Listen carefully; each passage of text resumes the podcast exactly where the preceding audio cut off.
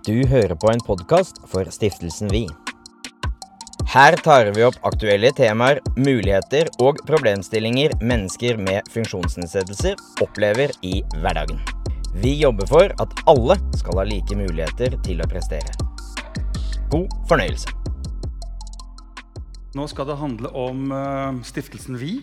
Det skal handle om historier og små marginer. Og aller først så får vi storfint besøk av eh, paraidrettens eh, dronning. Hun som mer enn noe representerer det vi eh, tror på, nemlig at alle kan eh, ha like forutsetninger. Ta godt imot Birgit Skarstein. En stor applaus.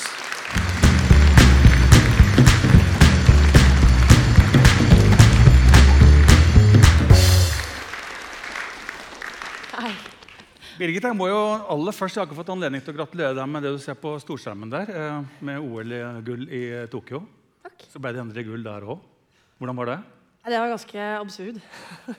Det var utrolig kult, da. Det var ditt fjerde OL, ikke sant? Ja, Ja. Det var det. Og i, i Rio så ble det jo fjerdeplass. Uh, så det var ganske stor forskjell å komme hjem med en eh, medalje. og det har jo vært et langt prosjekt. Vi har jo, vi har jo brukt disse ni åra og hatt akkurat det ene løpet som vi har jobba med. Uh, så det er jo litt mentalt. Det er, var, hvordan var det med kong Harald i går? om det var Var det fint med kong Harald i går? Du Ja. var på middag med han? Ja, Ja. han inviterte OL og PL-troppen. Han sa vi kunne ikke komme til dere, så da vil vi gjerne invitere dere til oss. Og det var jo hyggelig gjort. Det er stas, da.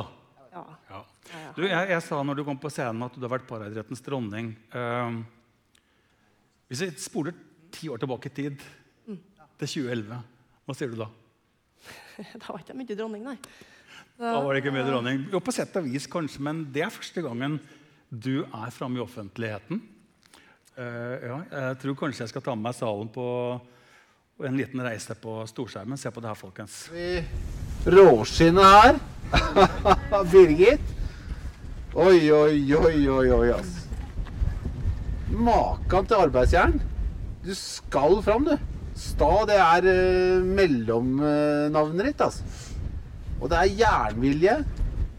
Du har en vilje som er uh, helt av en annen verden. Armene dine sier litt. Du, du, har, du er veltrent. Du har uh, guts i overflod.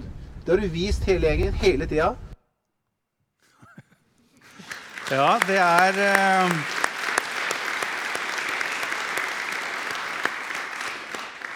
Aldri har vel Lars Monsen vært mer treffsikker i en kakstikk noen gang. eh, det han sa der. Det har gått ti år. Fortell om den reisa, Birgit. Ja, det har vært en lang reise. eh, men jeg tror liksom, det som var greia der, vi var jo 30 dager på tur da, i lag. eh, hvor vi var oppå hverandre, og ingen hadde mobiltelefoner med seg. Eh, det regna i 28 av de 30 dagene. og da får du jo fram ganske mye folk. Du ser jo hverandre fordi du er. Og vi holdt jo på, vi var jo en gruppe da, på 11 stykker med forskjellige funksjonshemminger som skulle ta oss 600 km fra Femundsmarka opp til toppen av Snøhetta. Og vi holdt jo på i, fra 7 til 14 timer om dagen. Og det er jo, det er jo liksom Mye av de egenskapene som eh, var veldig hendig å ha der, det tror jeg har vært veldig hendig å ha som idrettsutøvere. Um, og det der, der, kanskje den staheten Det er jo en, det er jo en berikelse og en forbannelse. Uh, men det har jo gjort at det har vært mulig å liksom fortsette å gå, da, selv når ting kan være litt vanskelig. Eh, jeg vil jo si det har skjedd ganske mye på ti år. Eh, både der, men også liksom i samfunnet for øvrig. Mhm. Men hva- i 2011, hvordan var reaksjonen når det kom på TV for deg? Nei, det var jo massivt. altså. Eh, Det er på toppen av, er, Husker jeg feil, eller er det på toppen av sne, sne, Snøhetta? ja. Ja, det er det. Ja, ja, og du kommer opp. Ja, da, krabba opp. Jeg krabba opp på rumpa. Jeg brukte tre dager uh, på å klatre. det er vel en tur som egentlig tar det, seks timer eller noe sånt. Uh, og, og holdt jo på 14 timer om dagen, så det gikk jo ikke så fort. Men det gikk. Uh, og det er jo litt sånn det er òg. er sånn skritt for skritt, stein for stein. Løfta meg opp, dro beina etter, løfta meg opp, dro beina etter. Og så klarte jo fanken meg å klatre opp på et fjell til slutt. Og det er jo, eh, det som var så spesielt med det, var jo det at vi skulle hjelpe hverandre. At ingen skulle gjøre det aleine. Jeg var jo innmari redd for å være drog, ikke sant? for å være liksom for tung og treg å ha med og for mye mekt. da. Um, men så hadde jeg jo, og det skjønte jo ikke jeg før etterpå, når jeg snakka med regissøren i etterkant, at jeg var jo egentlig med fordi at jeg hadde hodet til å dytte de andre. og til å se liksom løsninger og um, være med og få et team da, til å fungere. Um, men jeg, altså det som er så spesielt med å få en ryggmargskade altså Jeg har jo skada ryggen. Og eh, jeg våkna en dag og var lam. Og eh, hodet er jo det samme. ikke sant? Du er jo akkurat den samme personen. Men plutselig kan du ikke bruke beina. Eh, og du har jo de samme drømmene, du har jo samme personlighetstypen. Jeg husker liksom jeg tenkte sånn, «Nei, men jeg kan ikke være lam. Jeg er jo altfor rastløs til å være lam. Det går ikke an. Det er ikke mulig, liksom. Eh, hvordan, skal, hvordan skal det gå? Eh, og fant jo liksom etter hvert ut at ja, men, jeg må bare fikse det på min måte. på et vis. Men det fantes liksom ingen som meg der ute. Altså når jeg så meg rundt da, leste aviser og så på TV, det var liksom ingen der som jeg tenkte sånn Og det, det er en sånn, sånn en som jeg kan strekke meg etter. Helt til ingen grense kom. Og når jeg gikk på TV, så var jo den tilbakemeldinga jeg fikk aller mest fra folk på gata. Eh, folk som kom bort til meg, så sa de sånn eh, Du er jo du er akkurat sånn som oss, jo. Eh, ja. Jeg er en av oss, faktisk. Så ja, det stemmer, det. Og uh, det føler jeg jo har vært litt sånn Kanskje gjennomgangstema da, for det jeg har hatt lyst til å jobbe med i de årene. Og som også er involvert Stiftelsen Vi. Og, for det er ikke oss og dem. Ikke sant? Det er vi. Eh, det er ikke jeg, var, jeg ble liksom ikke definert ut fordi jeg sjøl følte at jeg var så himla annerledes. Og definert ut fordi andre så på meg og tenkte at jeg var annerledes. Eh, men det vil jeg gjerne definere sjøl. Og det vil jeg gjerne at alle skal få lov til å bestemme sjøl hvem de er, og få lov til å definere hva som er det største kjennetegnet ved dem. Hvis jeg skal liste opp liksom de største kjennetegnene ved meg, så vil ikke jeg liksom si at det å være lam er det viktigste. Det er andre ting. Det er som Lars Monsen sier, det er kanskje pågangsmot, det er kanskje stahet, det er kanskje å være målretta, være lagorientert. Det er mer definerende med meg som menneske enn det at jeg ikke kan gå. Stiftelsen Vi var jo initiert av Kjell Inge Røkke og handla veldig mye om å skaffe like forutsetninger for paraidrettsutøvere og, og vanlige, liksom. Uh, nå I dag så er det enda litt fokus, for nå handler det også mer om alle som har en funksjonshemming. Hva, hvor, slår, hvor står slaget nå? Hva, liksom, hva kan vi bidra med for å få fortgang på det? Nei, altså det er liksom forskjellige Folk kan gjøre forskjellige ting. Eh, vi er jo nødt til å ha et samfunn som er bygd for alle sammen. Eh, er, vi er nødt til å ha et samfunn der det er mulig å komme seg rundt. Eh, jeg skulle innom en butikk på vei ned hit i stad, og da kom jeg meg ikke inn, for det var trapp inn til Jokeren. liksom. Sånn, Søren heller. Skulle gjerne bare hatt noe, liksom. Men, og da er jo det også en arbeidsplass som jeg da ikke får jobba på. Det er jo også eh, vi, vi må fjerne de fysiske hindringene, og det, det kan man lett gjøre, men det er jo på lovnivå.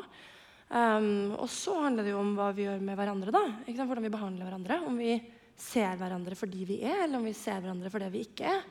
Uh, om, altså jeg synes jo Min, min klasse da, i roing heter Women Arms and Shoulders. Den heter jo ikke Women No Legs. Det er klinkende irrelevant. liksom. Jeg skal ikke bruke de beina når jeg skal ro, jeg skal ro med armene. Derfor så er det, liksom, det er det vi fokuserer på. Det er det det heter.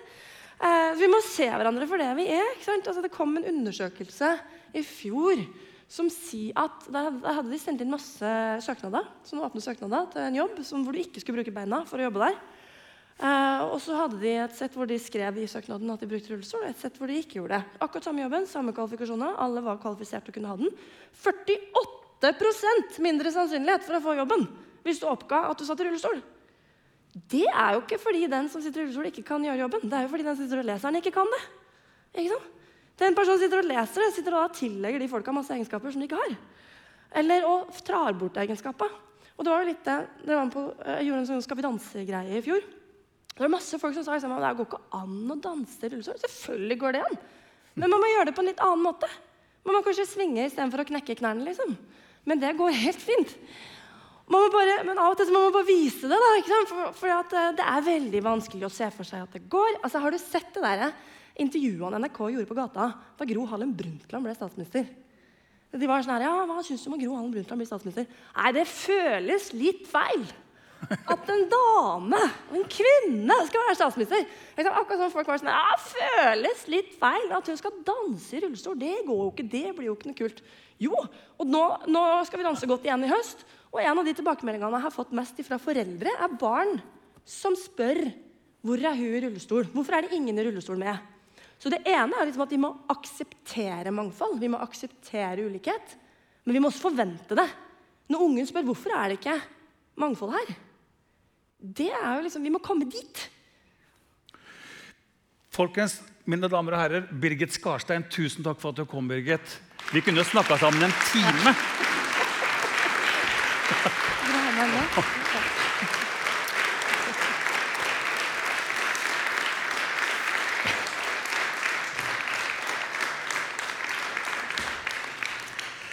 Ja, Nå har jeg lyst til å presentere det for en historie som har eh, vært eh, vanskelig å ta inn over seg. Vi snakket jo, jeg sa innledningsvis at livet handler om små marginer, sterke historier. og Noen ganger så får man en sånn historie så tenker man ah, Tenk om det hadde skjedd oss.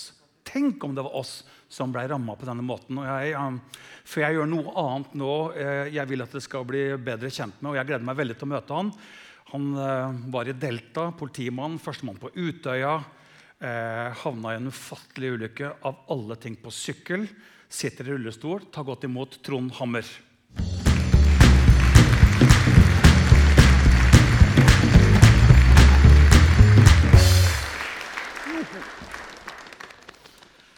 Trond, velkommen. Tusen takk. Ja, mm. altså det, Der har vi bilder av deg. Ja, se der, ja. ja. Eh, jeg vet nesten ikke hvor jeg skal begynne. altså. Fortell om eh, livet ditt i Delta da, og hvordan det var før ulykken. Ja, det er jo eh, liksom spydspissen i norsk politi, eh, beredskapstroppen, kontra terrorpolitiet på den operative sida. Og det har liksom vært det store målet for meg å komme meg inn dit. Mm. Lang prosess. Kom inn. Veldig fornøyd med det. Og valgte å bruke karriereveien min til å gå for aksjonslederjobben det å lede de store aksjonene. Mm. Og um, hadde verdens beste jobb. Men vil fremdeles si at jeg har verdens beste jobb. Mm. Mm. Men uh, altså, formen din uh, har jo vært helt fantastisk i alle år. Jeg vet du ble uh, verdensmester i militær femkamp i 2000. Mm. Det fortjener jo også en liten applaus. Og så, og så har du så har du i alle år vært eh, glad i å sykle. Ja. ja. Og eh, jeg vet ikke om det er rart å se disse bildene, jeg tror, men det, eh, det er jo et bilde som du er ute og trener på mountainbike, ser Mm. Eh, men fortell om Vi skal da tilbake til 2015, ikke sant? Mm. Du er på jeg nær sagt, ikke guttetur, men allikevel en slags guttetur. Dere skal sykle Norge på, på langs. Ja. Dette er andre etappe fra Trondheim til Lindesnes. Ja. Fortell. Ja, nei, Det er jo en fin eh, gjeng som ønsker å se Norge fra sykkelsetet. Så eh, da bestemte vi oss for å sykle turen. Og første etappe gikk veldig bra. Etappe to gikk veldig bra fram til et visst punkt. Det var utafor Volda. Da hadde vi sykla opp en slalåmbakke. Det var en vei ved siden av denne bakken, og kom opp på toppen. Og så skulle vi ned mot Volda sentrum. Og da, eh, i god fart, begynner det å bli nedover. Og så bare sier det snapp i styret, og det var helt løst. Det er klart, dårlig kombo. Eh, god fart eh, nedover der. Det er jo alle syklisters skrekkfilm. Ja. ja. Og jeg skjønte jo at det kom til å gå gærent. Men du har ikke mye tid å tenke på, så du må bare ta et valg.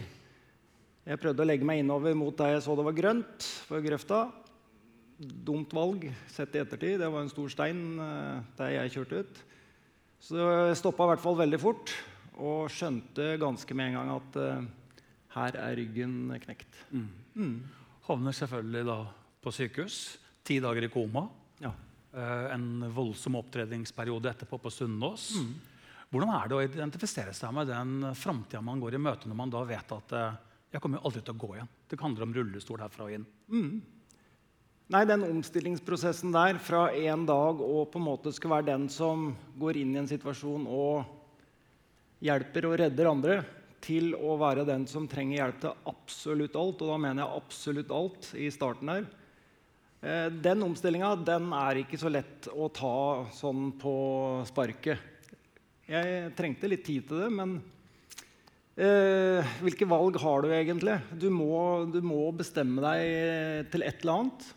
Og ehm, jeg har jo en fantastisk familie som har støtta meg fra dag én. Men jeg har også en arbeidsgiver som har eh, vært eh, vanvittig til stede eh, i en positiv forstand. Fortell om hva sjefen din sa da han kom på sykehuset. Ja, Han var første som fikk lov å besøke meg, og han uh, sier at Trond, du skal tilbake igjen i beredskapstroppen. Det er ikke beina dine jeg trenger, det er huet ditt. Og det tenker jeg det er et uh, det er en modig leder som tør å ja, se det på den måten. Og han eh, sier den kompetansen du har fått opp gjennom de åra du jobber der, den har ikke vi råd til å miste. Og den kompetansen bruker du i dag til å finne den neste generasjonen Delta-folk? Ja. Ja.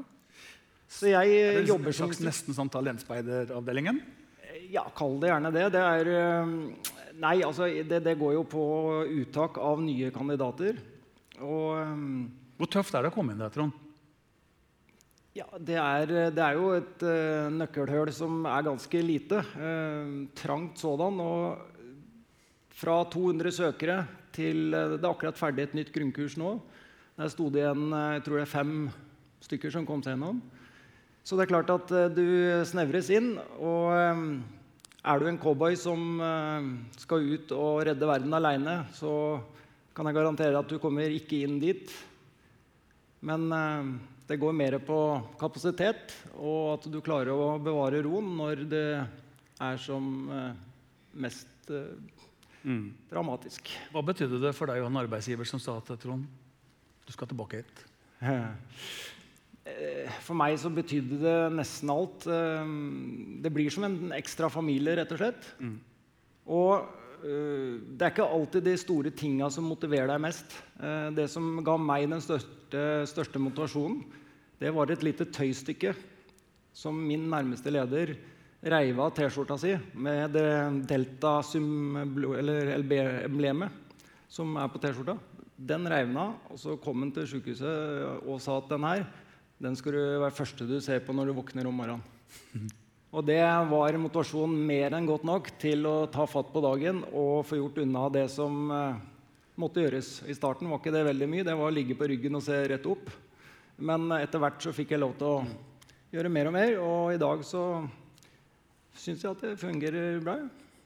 Jeg vil at du skal møte en som, som, som hadde drøm om å komme inn i Delta. Akkurat der du har vært, og du fortsatt jobber. Han ble eh, utdannet eh, politimann, ferdig utdanna i 1978. Eh, vi kan kanskje få opp et bilde av eh, et gammelt eh, Jeg må nesten si det er et Kodak-bilde, sikkert. Eh, skulle avtjene verneplikt, havna i fallskjermjegerkompaniet.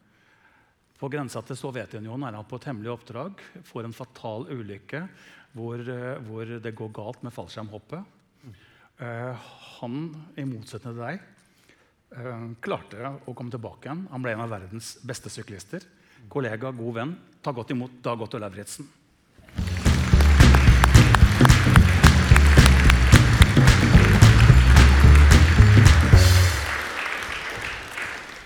En sterk historie, Dag Otto. Ja, det, jeg får helt gåsehud. Eh, Jeg er imponert over hva du har fått til. Og jeg har faktisk noen venner som har utfordringer akkurat som det, og, og som har klart å komme seg videre, og andre som ikke har klart det. Så det er jo hodet som er viktig. Men dette er jo bildet fra den magiske 14. etappen i, i Tour de France i 1987. Eh, det er seks-sju eh, år etter ulykken. Eh, selvfølgelig en vanvittig vei som er disse sju åra. Men, men hvor nære var du på å havne der hvor Trond sitter nå? Jeg tror jeg var veldig nærme. Vi hoppa, som sagt, eh, som du sa, over Finnmarksvidda. Eh, Jeg hadde 30 kilo sekk eh, som vi surra bak her, og fallskjerm og reserveskjerm. Og så løsna fallskjermen i flyet. Ingen hadde sett det når vi sjekka hverandre før vi hoppa ut. Så når jeg hoppa ut i fritt fall 40 sekunder, så hang sekken på utsida. Så jeg bare gikk ned i spinn. Og det siste jeg husker før jeg besvimte, det var det at jeg trakk skjermen. Så gikk jeg rundt på ryggen, og så kom fallskjermen opp mellom beina og hooka tak i det høyre beinet. Og så ble det svart. Når jeg våkna, da, så hang jeg med hodet ned og beinet inni skjermene. Hadde jeg ligget litt annerledes, så hadde jeg jo rykka hodet med. Så jeg var veldig heldig. Jeg må jo si det. Det eneste men jeg har, kan du si, det er at jeg kan ikke sitte på hug. For jeg klarer ikke bøye beinet nok. Men jeg har klart å, å sykle og jeg har klart å jobbe. Men min drøm var faktisk etter at jeg var fallskjermjeger, så begynte jeg i politiet fordi at jeg, akkurat i 75-76 så begynte beredskapstroppen.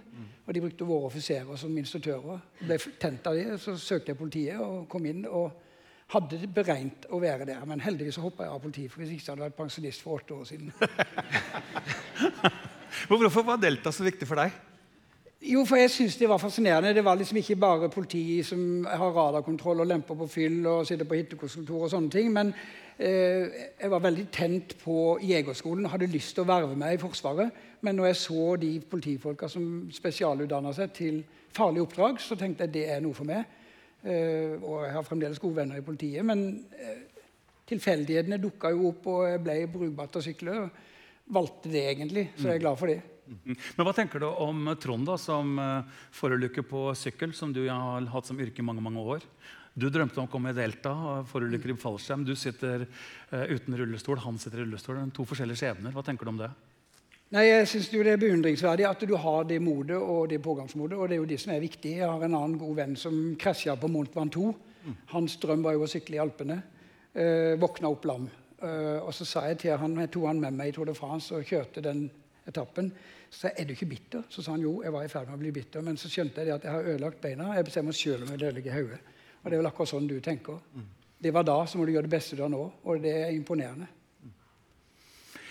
Jeg har bare lyst til å takke. Klokka går så utrolig fort. Du skal videre til Moss. Eh, sikkert holde foredrag eller et eller annet. Trond, fantastisk å møte deg. Jeg har bare lyst til å si at det eh, Røkke og Aker BP gjør med den stiftelsen, og gir folk kanskje en større sjanse til å oppføre seg sånn som vi andre som er så heldige, det syns jeg er bra. Så det er vel anvendte penger. Så de må bare pøse på litt mer.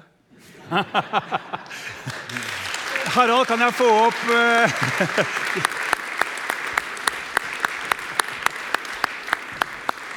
eh, Trond, jeg har en liten sånn gave til deg. Jeg vet at uh, barna dine er veldig 'Mesternes mester'-fan. Eh, Dagotte vant jo den første utgaven av 'Mesternes mester' tilbake i 2008. var det vi var i innspilling. Dette her mener jeg er Tor Hushovs-trøye fra 2015 i Monaco. Jeg, vet at jentene dine er fan. De får heller finne seg i å ta to store. Ja. Så får du det som en liten hilsen, og så tar du med en, eh, en sånn mestertrøye til deg sjøl. For jeg vet du er fortsatt ute og sykler. Ja. Den er Aksel Lund Svindal sin. En stor applaus for Dag Otto Lauritzen og Trond Hammer.